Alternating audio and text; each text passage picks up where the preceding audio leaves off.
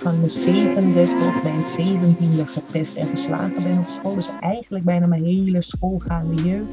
En op mijn zeventiende kwam ik naar Nederland. Eigenlijk gewoon uh, letterlijk moe beurs van alle pesten. Uh, en, en ja, een beetje lam geslagen. Uh, dus ik kwam op mijn zeventiende naar Nederland en dat was eigenlijk een cultuurshock. Want ik ben enig kind en uh, ik kwam hier, een vreemde omgeving, familie waar ik niet mee was opgegroeid. Dus uh, het was best wel wennen eigenlijk. Het heeft heel lang geduurd voordat ik het mooie uit het leven kon halen, moet ik eerlijk zeggen. Want ik heb heel lang geleefd met de gedachte dat ik nooit goed genoeg was. En dat heeft natuurlijk te maken met mijn pestverleden. Maar ik had ook best een strenge moeder. Hè? Die, die pushte me ook altijd om het beste uit mezelf te halen. En zij heeft nooit tegen me gezegd dat ik niet goed genoeg was omdat ik niet goed was. Maar het was niet goed genoeg omdat ze geloofde dat ik meer in me had. Omdat ze geloofde dat ik beter kon. Dus ik werd altijd een beetje gepusht om nog iets extra's uit mezelf te halen. Welkom bij de Vrouwen aan tafel podcast. En tijdens deze podcast ga ik in gesprek met Monique over haar leven, de weg die ze afgelegd heeft en tot waar dat ze nu staat. Ik ben je host, Nathalie van Aansen, en welkom aan onze tafel. En welkom Monique. Dankjewel, bedankt voor de uitnodiging. Heel leuk. Ja, wij, um, jij bent ook een vrouw van rond mijn tafel in mijn uh, community. Hè? En uh, zo elke keer dat er nieuwe dames komen, dan vraag ik, stel je eens voor. En je hebt je voorgesteld en ik was ook gelijk van, wauw, wat een verhaal. Hè? Dus ja. bij deze zitten wij nu eigenlijk uh, samen. Vertel eens, wie is, uh, wie is Monique? Ja, wie is Monique? Uh, ik ben een jonge vrouw, zeg ik altijd, van 51. Moeder van een samengesteld gezin waarvan de oudste 28 en de jongste 18. Mm-hmm. Uh, ik woon ergens in Noord-Holland, in een West-Fries dorpje. En uh, ja, mijn hobby's zijn vooral winkelen. Ik kan de hele dag winkelen, echt letterlijk de hele dag. Bij veel vrouwen waarschijnlijk geen onbekend verhaal. Nee. Ik heb een schoenentik. Ik heb echt bijna 150 paar schoenen, of wel meer dan 150 paar. Um, en ik hou van lezen. Uh, dat is een beetje wie ik ben. Want mm-hmm. Ik vertel het liefst iets wat je nog niet op mijn website kan lezen over wat ik doe. Maar ja, dat is een beetje wie ik ben. Ik sta midden in het leven. Ik ben ambitieus. Ik ben een doorzetter. Uh, ik hou wel van gezelligheid, maar kan ook heel goed alleen op mezelf zijn als ik maar weet dat ik s'avonds niet alleen ben en dat uh, mijn man weer thuis is. Dus uh, ik kan me heel goed zelf vermaken. Ik breng heel ja. veel tijd voor de spiegel door. gewoon omdat ik het prettig vind. Dat is mijn rustpunt eigenlijk. nu, ja. fantastisch om... Hey, de, onze luisteraars kunnen dat niet zien, maar jij straalt. Ah, dank je. maar ooit was dat anders. Ja, het is niet altijd zo geweest, inderdaad. Mm-hmm. En dan moet ik je wel heel ver mee terugnemen, want dan gaan we terug naar mijn kinderjaren, waar ik van mijn zevende tot mijn zeventiende gepest en geslagen ben op school. Dus eigenlijk bijna mijn hele schoolgaande jeugd. En op mijn zeventiende kwam ik naar Nederland. Eigenlijk gewoon uh, letterlijk moe beurs van alle pesten uh, en, en ja, een beetje lam geslagen. Uh, dus ik kwam op mijn zeventiende naar Nederland en dat was eigenlijk een cultuurshock. Want ik ben enig kind en ik kwam hier, een vreemde omgeving, familie waar ik niet mee was opgegroeid. Dus uh, het was best wel wennen eigenlijk. Maar goed, ik heb goed kunnen aarden uiteindelijk na een aantal jaren. Ik ben op mijn negentiende getrouwd met uh, mijn vriend die ik in Suriname had leren kennen voordat ik wegging. Dus dat was ook spannend, want op je negentiende trouwen betekent dat je eigenlijk gelijk volwassen bent. Maar ja, wat weet je nou echt van het leven als je 19 ja. bent? Je moet nog jezelf ontdekken. En ik kreeg op mijn 23ste een prachtige dochter.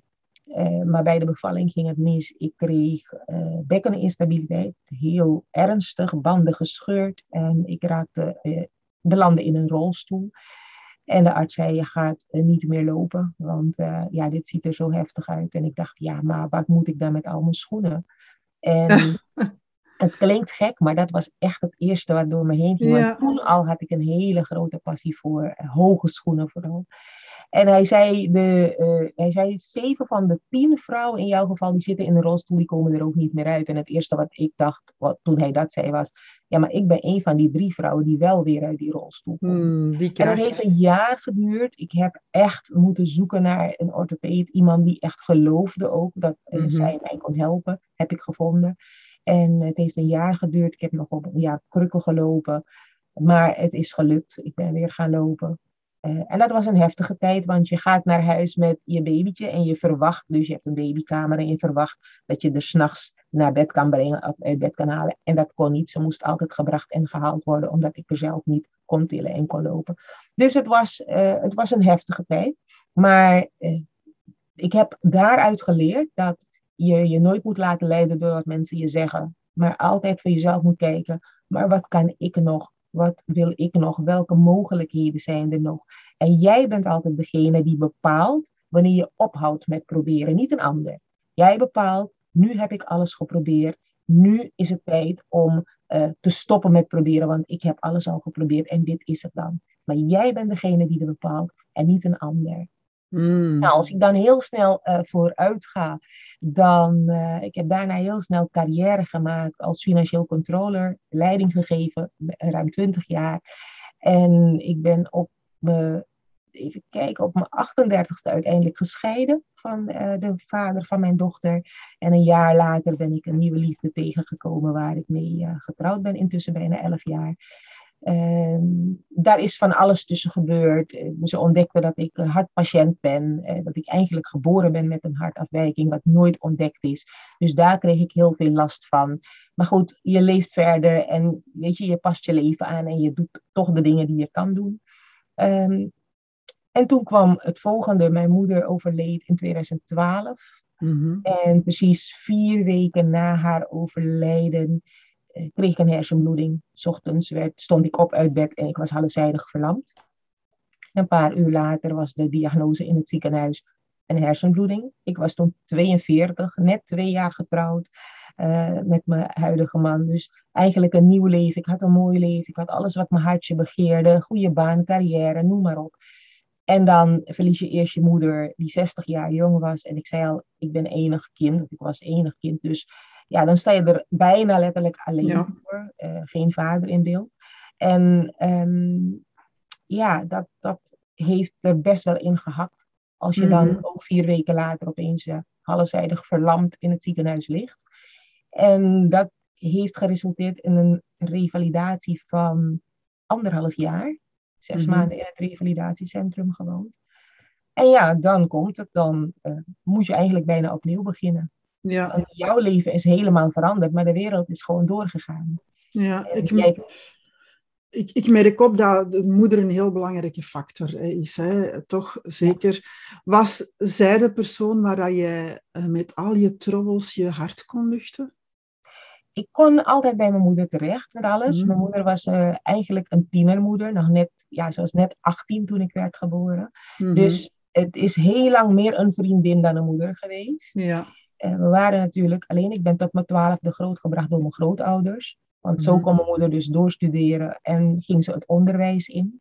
Maar ze mhm. werd geplaatst op een school in Suriname in het binnenland. Dus het was ver van de stad. Dus ze kwam mhm. alleen in de weekenden thuis. En daardoor was ik bij oma en opa. Dus ik, ja, ik, ik heb, zeg ook altijd, ik heb geen vader gemist. Want opa was er altijd. En ik weet niet anders dan dat opa mijn vader was. Hij was ook echt mijn maatje.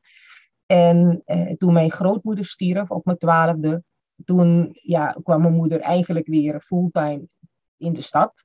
Uh, want ja, er was niemand meer om voor mij te zorgen. Dus uh, moest zij de zorg overnemen. En dat heeft ze uh, goed gedaan. Ze heeft altijd heel hard gewerkt. Um, en ja, op mijn zeventiende kwam ik naar Nederland. Dat was dus vijf jaar later. Dus, um, Samen met je moeder? Nee, ik kwam alleen. En heel gek, maar ik kwam oh. dus bij mijn vader die hier woonde. Mm -hmm. uh, dat werd niet door hem bij grootgebracht, maar ik, hij woonde in Nederland, dus ik kwam wel bij hem. Mm -hmm. En uh, ja, dat, daar, hier heb ik ook mijn eigen weg gevonden, zeg maar. Na een tijdje dat ik in Amsterdam ging wonen en uh, verder ging leren, ging werken. Dus ja, mijn leven heeft nogal wat ups en downs gekend. Maar... Ja, je hebt enorme kracht ook. En dat heb je meegekregen. Ik heb van mijn opa geleerd dat Mhm. eh, je nooit moet opgeven. Mhm. Dat eh, als je iets wil, het kan. En als, je, als het niet voor je ligt, dat je een weg moet vinden om dat te doen. Mhm. En, en mijn moeder was ook een doorzetter. Die gaf ook Ja. niet op. Die ging ook echt wel door. Weet je? Eh, en het feit dat ze 18 was toen ze me kreeg, dat ja, zegt ook wel wat. Ze heeft toch doorgestudeerd. En gelukkig werd ze gesteund hè, door, door haar ouders. Eh, maar daarna ook gewoon een goede baan en, en een carrière. Dus ja, ook zij was niet een opgever. Dus ik heb van huis uit echt geleerd om door te zetten. Door te Ja, zetten. door ja. te gaan. Eh, en dat heeft ook zijn keerzijde, want dat betekent soms ook dat je te lang kunt doorzetten en te Ja. veel, omdat je, je wordt perfectionistisch, hè? Want Ja. je wil het zo graag en je wil het zo graag goed. En dan kun je heel vaak ook jezelf voorbij lopen. Dus ik heb ook twee keer een burn-out gehad. Ja. Maar ook daarvan ben ik teruggekomen, want iedere keer leer je er weer wat van. ja, want op een gegeven moment dan stel ik mij de vraag, als je zo doorgaat, en voor mij is dat herkenbaar, je gaat door en door. Hoe laadde jij jezelf op? Ja, dat weet je. ehm, ik weet niet of dit zweverig gaat klinken, maar goed, het is, het is wel wie ik ben.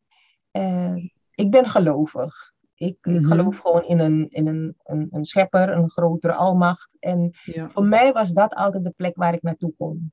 ja, Eh, 's ochtends, als ik mijn ogen opendeed, dat ik dankbaar was dat ik er nog was. Zelfs Mhm. toen ik ziek was, dat ik bang, dankbaar was dat het niet erger was dan het was. ja. En ik heb in het ziekenhuis zo vaak de vraag gekregen, of in het revalidatiecentrum, maar ben je niet boos dat dit je is overkomen? Je bent Ja. een jonge vrouw, 42, je ligt hier halfzijdig verlamd, ben je niet boos? Ik zeg, opnieuw zou ik dan boos moeten zijn? Mhm. Er is niet iemand die even zegt, zo weet je, nu ben jij aan de beurt, hier. Weet je, ehm, en het overkomt mij, maar ik ben niet de enige. Het overkomt ook anderen. Dus waarom zou het anderen wel kunnen overkomen en mij niet? Weet je, Mhm. ehm, ziekte, dood, ellende, verdriet is voor iedereen. Het maakt niet uit wie je bent. Het is voor iedereen. Weet je, iedereen maakt, krijgt daar wel eens een keer mee te maken. Dat je, als, het, als het over geloof gaat, en dan hebben we het niet over het goddelijke. We hebben het wel over de divine, het goddelijke Mhm. eigenlijk wel, maar het heeft niks met God of het maakt niet Mhm. uit welk geloof te maken. Het zit wel in de hoogste frequentie.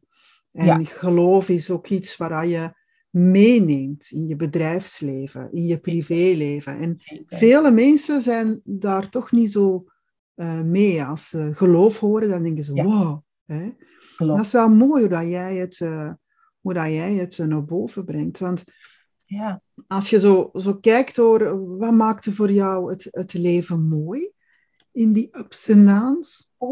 Ehm, nou, het heeft heel lang geduurd voordat ik het mooie uit het leven kon halen, moet ik eerlijk zeggen. Want ik heb heel lang geleefd met de gedachte dat ik nooit goed genoeg was. En dat heeft natuurlijk te maken met mijn pestverleden. Maar ik had ook best een strenge moeder. Hè? Die, die pushte me ook altijd om het beste uit mezelf te halen. En zij heeft nooit tegen me gezegd dat ik niet goed genoeg was omdat ik niet goed was. Maar het was niet goed genoeg omdat ze geloofde dat ik meer in me had. Omdat ze geloofde dat ik beter kon. Dus ik werd altijd een beetje gepusht om nog iets extra's uit mezelf te halen.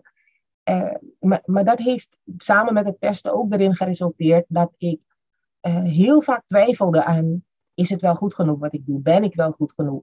Je houdt je klein, want op school was het zo dat als ik, ik dacht als ik me klein hou, dan zien ze me niet en dan pesten ze me niet.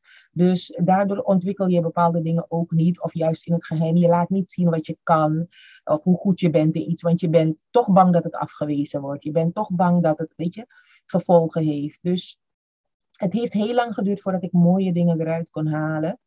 Uh, en het is gewoon een proces geweest. Ik moest op een gegeven ogenblik gewoon gaan geloven dat, uh, dat ik mooie dingen deed in mijn werk. Dat ik een talent had, dat ik goed met mensen kon praten. Dat ik, Mhm.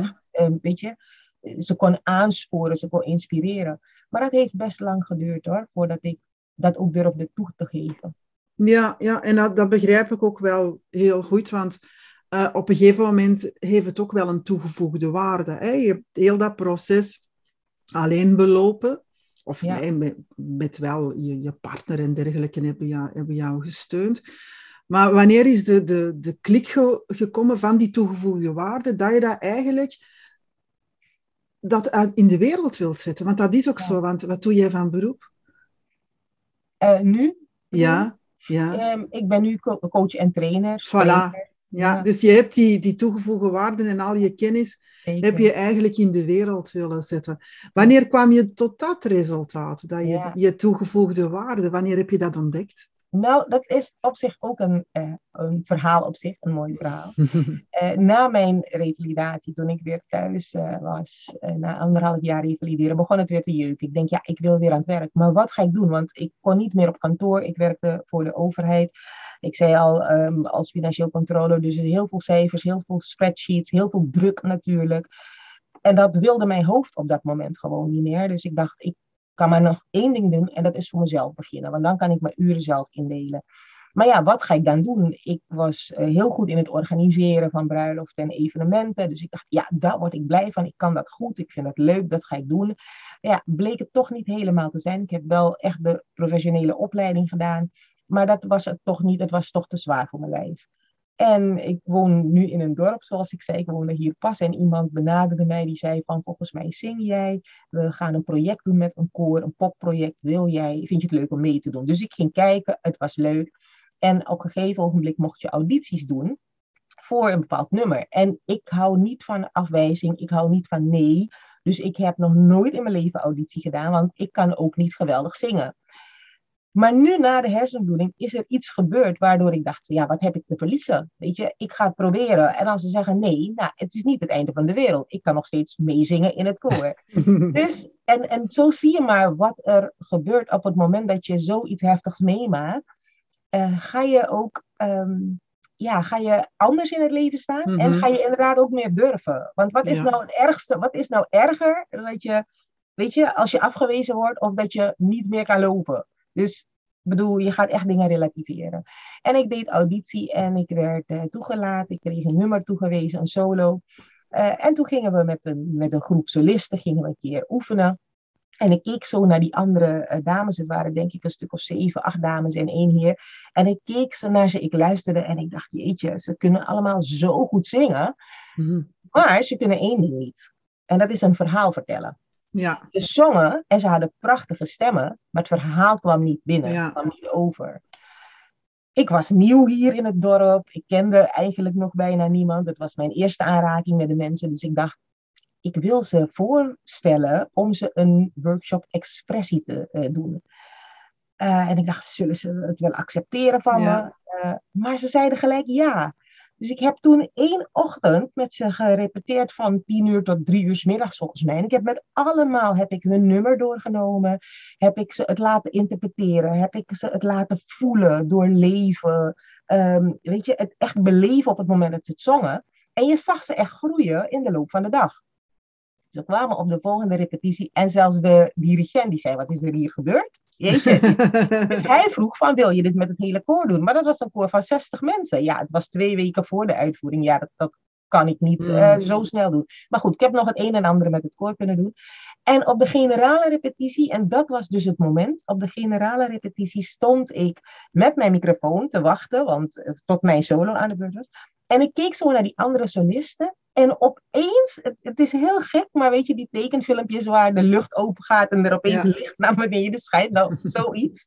Ik had het gevoel dat ik dacht van, dit is het, dit moet ik gaan doen. Ik kan mensen leren hoe ze zichzelf beter kunnen presenteren. Niet alleen met zingen, maar hoe kunnen ze een verhaal vertellen? Hoe kunnen ze zichzelf beter presenteren en kunnen ze dus anderen inspireren? Toen ben ik s'avonds naar huis gegaan en toen zei ik tegen mijn man, ik ga uh, een opleiding doen tot presentatiecoach of zo. Ik wist helemaal niet of het bestond, maar ik ben het gaan zoeken.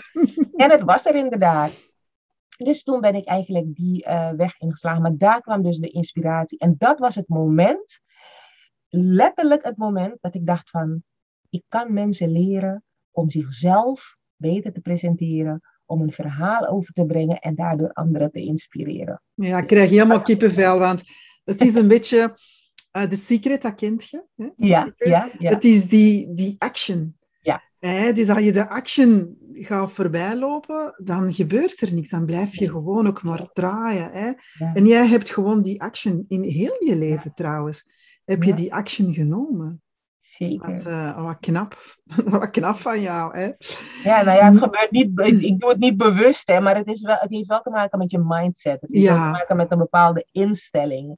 Maar dan wordt het een gewoonte hè? en dan, dan ga je die kansen zien, herkennen en dan ga je ze ook pakken, inderdaad. Ja, dat is wel uh, heel mooi. Nu, in die, in die periode dat je zo down en in je ziektes en, en het is wel heftig wat je vertelt, in rolstoel terechtkomen, dan die hersenbloeding. Waar haalde je eigenlijk die, die motivatie vandaan? Is dat die mindset dan? Of wat was dat voor jou? Weet je, ik geloof dat het, uh, dat het in je zit. Dat het iets is wat je gekweekt hebt. En ik weet niet of gekweekt een, een goed Nederlands woord is. Maar uh, ik vergelijk het altijd met een emotioneel spaarbankboekje. Mm -hmm. uh, maar dus ook zo'n spaarbankboekje.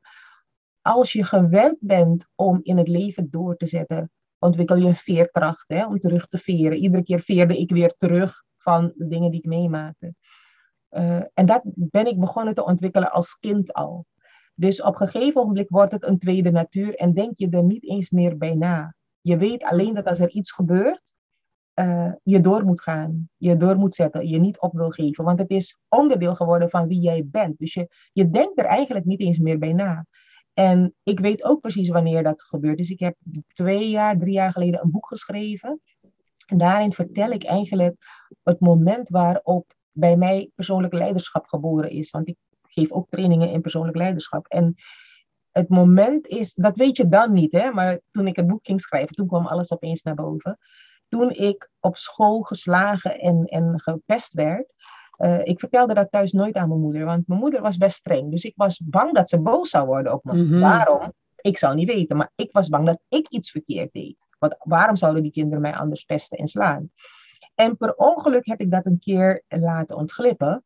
En haar reactie was, ze werd inderdaad boos, ze werd niet boos op mij, maar ze zei van, wat pesten ze je en slaan ze je? Nou, de volgende keer dat iemand je weer wil slaan, dan moet je uh, stevig op je beide benen gaan staan, je handen in je zij zetten en dan moet je heel hard roepen, laat me met rust. En dan worden zij bang voor jou en dan lopen ze weg. En toen dacht ik, oké, dat ga ik proberen.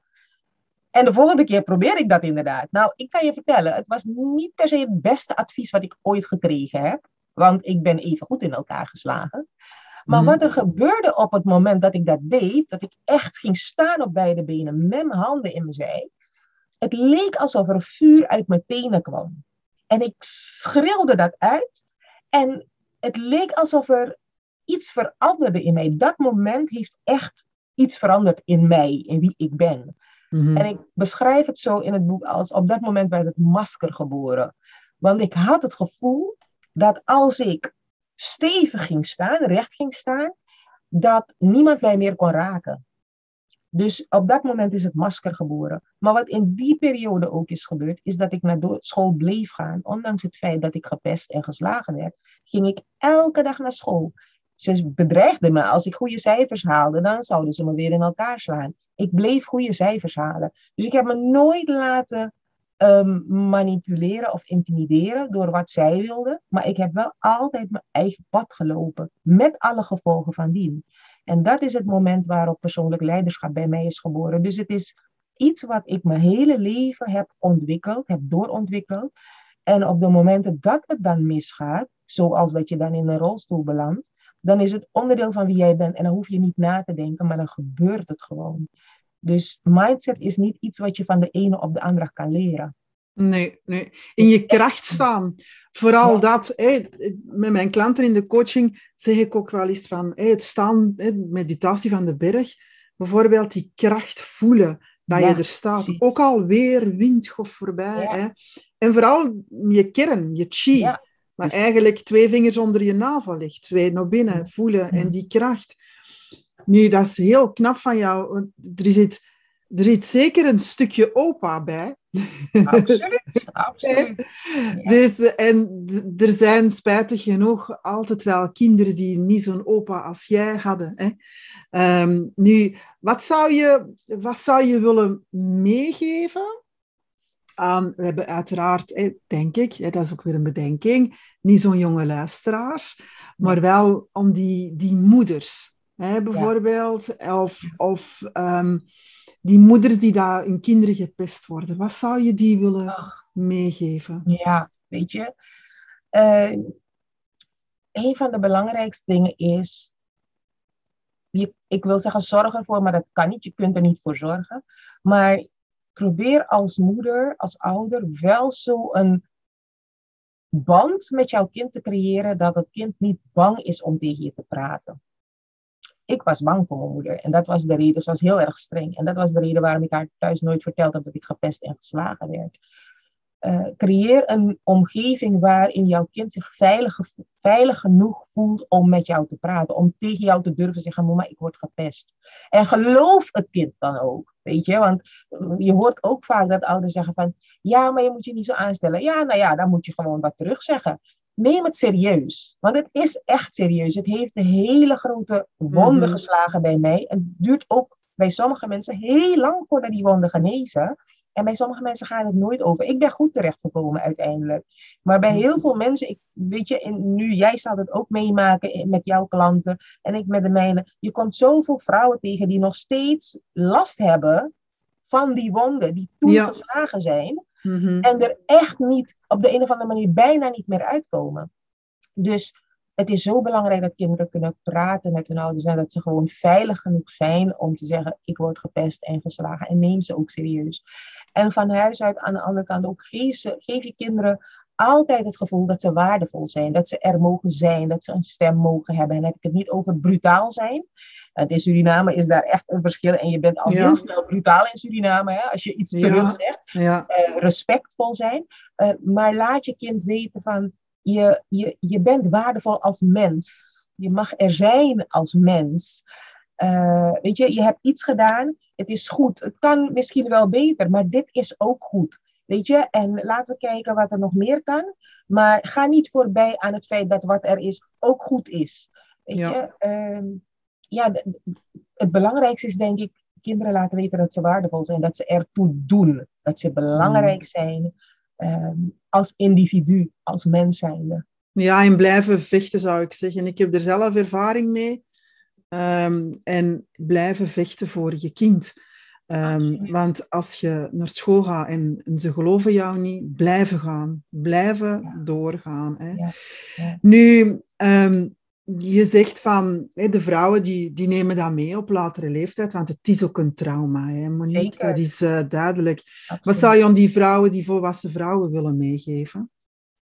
Ik zou aan die vrouwen willen meegeven. Uh, ik ga niet tegen je zeggen: geloof in jezelf en ga ervoor staan en ga het gewoon doen. Want weet je, het klinkt misschien lelijk, maar in mijn beleving zijn dat loze woorden. Voor mij zijn dat loze woorden. Omdat je kan niet tegen iemand zeggen van ga het gewoon doen. De ene kan het gewoon doen, maar dat, dat is die, niet die trap is veel te hoog. Kan. Precies. Weet je, mensen kunnen niks met, met het feit van ja, je moet gewoon in je kracht gaan staan. Ja, je moet het gewoon gaan doen. Nee, je moet niks. Vrouwen, ze kunnen daar niks mee. Weet nee. je? Dus wat ik tegen die vrouwen zou willen zeggen is begin eigenlijk bij uh, probeer lief te zijn voor jezelf dat is eigenlijk bijna de eerste stap. Probeer lief te zijn voor jezelf. Probeer tegen jezelf te zeggen, ehm, eh, weet je, ehm, ik mag hulp vragen. Want je kan het niet alleen en geef ook toe dat je het niet alleen kan. En dat is ook niet erg. Ik heb het ook niet altijd alleen gedaan. Ik heb ook mensen om me heen gehad die me hebben moeten helpen of steunen. Op wat voor wijze dan ook. Dat hoeft niet altijd een coach of een trainer of iemand te zijn. Maar soms is het gewoon iemand die er voor je is, die een luisterend oor heeft durf toe te geven dat je hulp nodig hebt. Ehm, maar probeer ook lief te zijn voor jezelf. En te zeggen van, oké, het is nu misgegaan, zo wat. Het is niet het einde van de wereld. Ik probeer het morgen gewoon opnieuw. En als je het iedere keer probeert, zal je merken dat onbewust die mindset gaat groeien. En dat je onbewust uh, iedere keer een klein stapje zet. En iedere kleine stap is er één. We willen altijd heel, heel snel hele grote stappen zetten. Weet je, we willen morgen al succesvol zijn. Weet je, sommige mensen moeten er gewoon tien jaar over doen voordat ze succesvol zijn. En anderen lukt het binnen een jaar. Bewandel je eigen pad en vergelijk jezelf nooit met een ander. Dat is ook een hele belangrijke boodschap. Ja. Nooit jezelf met een ander vergelijken. Je bent die ander niet. Je wil die ellende van die ander niet. Je wil de pijn van die ander niet en de frustratie niet. Dus laat het succes van de ander ook lekker bij de ander. Bewandel je eigen pad. Kijk naar anderen. Kijk wat je van ze kan leren. Maar vergelijk jezelf nooit met een ander. Want het is niet eerlijk tegenover jezelf. Je weet niet wat die ander allemaal heeft moeten doorstaan om te komen waar ze zijn, want we zien alleen de buitenkant. Hè? Ja. Dus bewandel echt je eigen pad. Dat is het belangrijkste. Ja, mooie woorden, mooie woorden. Ik zou er nogal willen toevoegen, is uh, je mag hulp vragen, maar wees bereid. Om hulp te vragen. Wees bereid. En dat is een, ook een hele mooie affirmatie. Ik ben bereid om hulp te vragen. Dan maak je de treden ook een beetje um, lager. Hè? Ja, nu, als je zo bekijkt of wat je allemaal hebt meegemaakt, waar je nu staat, hè, want het is toch wel heel mooi en ehm, ik weet dat je trots bent op jezelf en dankbaar. Hè? Uh, maar ik wil jou... Ja. dankbaar. Maar ik wil dat aan jou meegeven. Wauw, knap van je. Um, wat kan jij niet missen aan jezelf? Wat kan ik niet missen aan mezelf? Ja. Ah, wat kan ik niet missen aan mezelf? Ah, jeetje. Um... Je schoenen? ja, ik, ik, ja ik, ik kan mijn schoenen niet kiezen. Uh, nee, ja, dat is... Ja ik, wat kan ik niet missen aan mezelf? Uh, ik zou het verschrikkelijk vinden als ik niet meer zou kunnen liefhebben. Of als ik niet meer het gevoel zou hebben dat, um, dat iemand van me houdt. En daar heb ik het over met iemand. Mijn man en mijn dochter, die kan ik absoluut niet missen. Die, die, die kan ik echt niet missen. Die, ja, ik weet niet hoe mijn leven eruit zou zien zonder hun. Um, en waar is dat dan? Want wat kan je niet missen aan jezelf? Wat is dat dan? Je, je, je liefde, hè? want dat zeg je net. Ze maken mij compleet. En het klinkt heel gek natuurlijk, want ik ben ook altijd dat ik zeg van je bent niet afhankelijk van een ander, weet je wel, en zo. Uh, maar het is net dat stukje, dat stukje wat jou compleet maakt, zeg maar. En mhm. zonder ben ik nog steeds in staat om te leven en alles te doen. Ehm, maar het is net dat stukje wat ervoor zorgt dat, uh, dat ik er mag zijn voor een ander. Dat ik moeder mag zijn, dat ik echtgenoot mag zijn. Dat ik van toegevoegde waarde mag zijn. Uh, mijn dochter is 28, die is uh, coach geworden.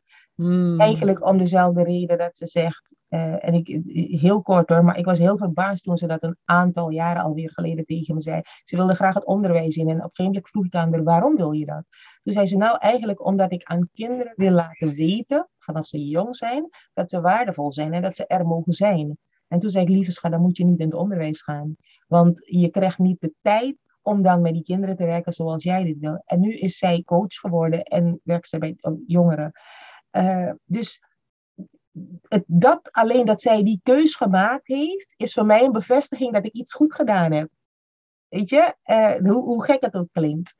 Um, maar ja, ja ik, ik, ik, kan het eigenlijk niet uitleggen, maar er is zoveel liefde en ik, ik denk dat iedere moeder dat wel heeft. Um, ja, zij, zij, zij maken mijn leven gewoon echt compleet en ik zou echt niet zonder ze willen. Knap, knap. Nu, um, kijk jij vooruit? Ja, zeker, zeker. Ik ben wel van het vooruitkijken. Uh, ik geloof ook dat je vooruit moet kijken omdat je daardoor jezelf voorbereidt op dingen, zodat wanneer dingen op je pad komen, ze je niet overvallen. En er komen even goed altijd dingen op je pad die je wel overvallen. Maar als je helemaal nooit vooruit kijkt, ja, ze zeggen voor, voor regeren is, vooruitzien is regeren of regeren is vooruitzien. Ik zie dat bij mijn man, hij is ondernemer en hij is altijd vooruit aan het denken, altijd vooruit aan het kijken. En dat zorgt ervoor dat hij een succesvolle ondernemer is en daar leer ik ook heel veel van. Dus ik kijk zeker vooruit. En kijk je dan, dan vooruit? Zie je jezelf binnen tien jaar staan? Visualiseer je dat? Of zeg je van, hmm, laten we een jaar nemen of vijf jaar? Mm, dat wisselt een beetje. Dat wisselt mhm. een beetje. Er zijn momenten dat ik echt nadenk over, nou ja, ik ben nu 51. Tot, hoe, tot mijn hoeveelste wil ik nog doorwerken en wat zou ik dan willen doen?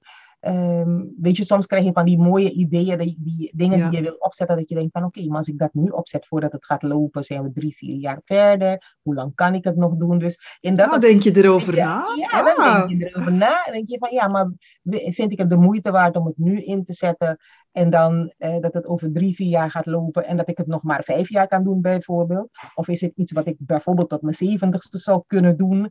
Uh, dus over dat soort dingen denk ik wel na.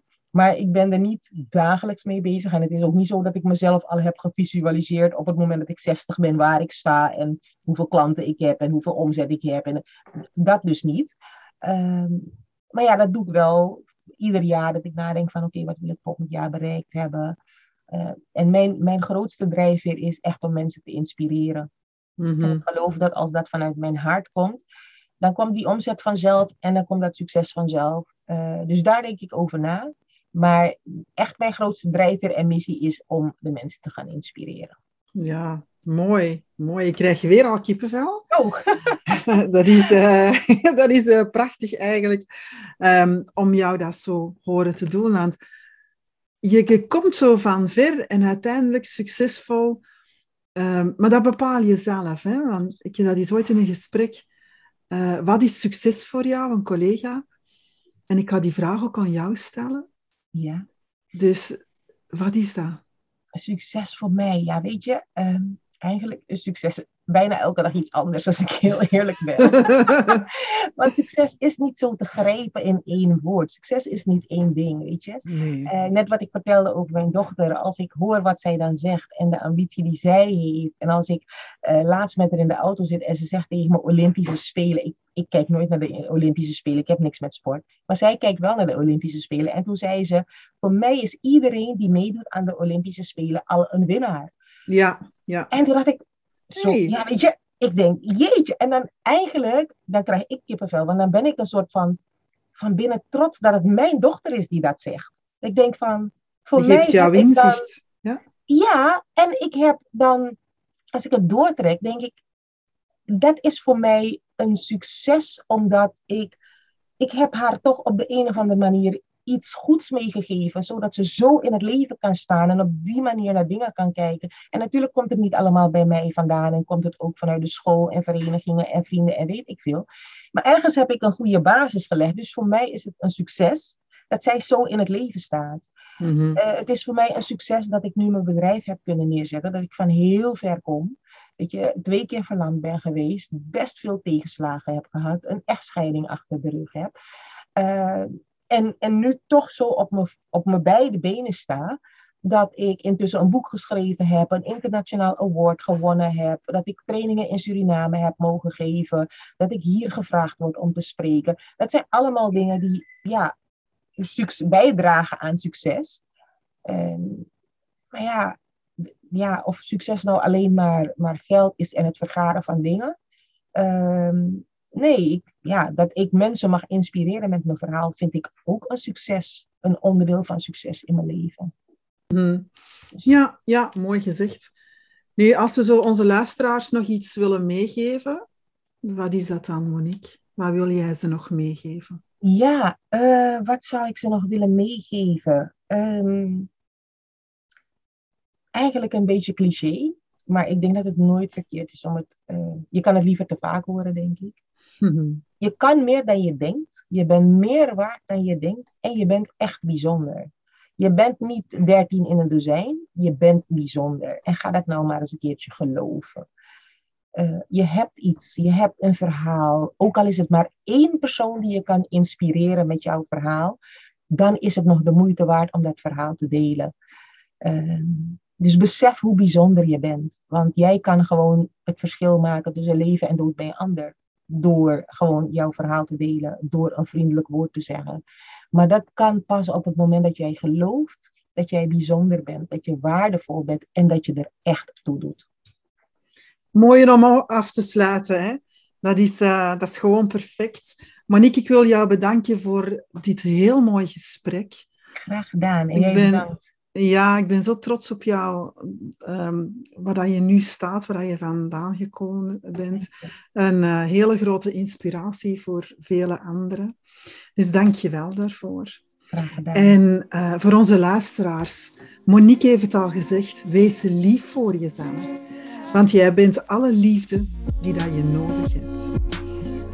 Nog een fijne dag. Bedankt voor het luisteren. Nathalie is trainer en coach.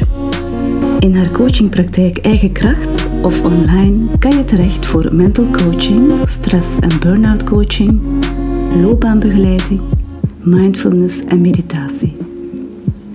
Zij is de reiziger op het pad wat jou brengt naar je geluk en je doelen.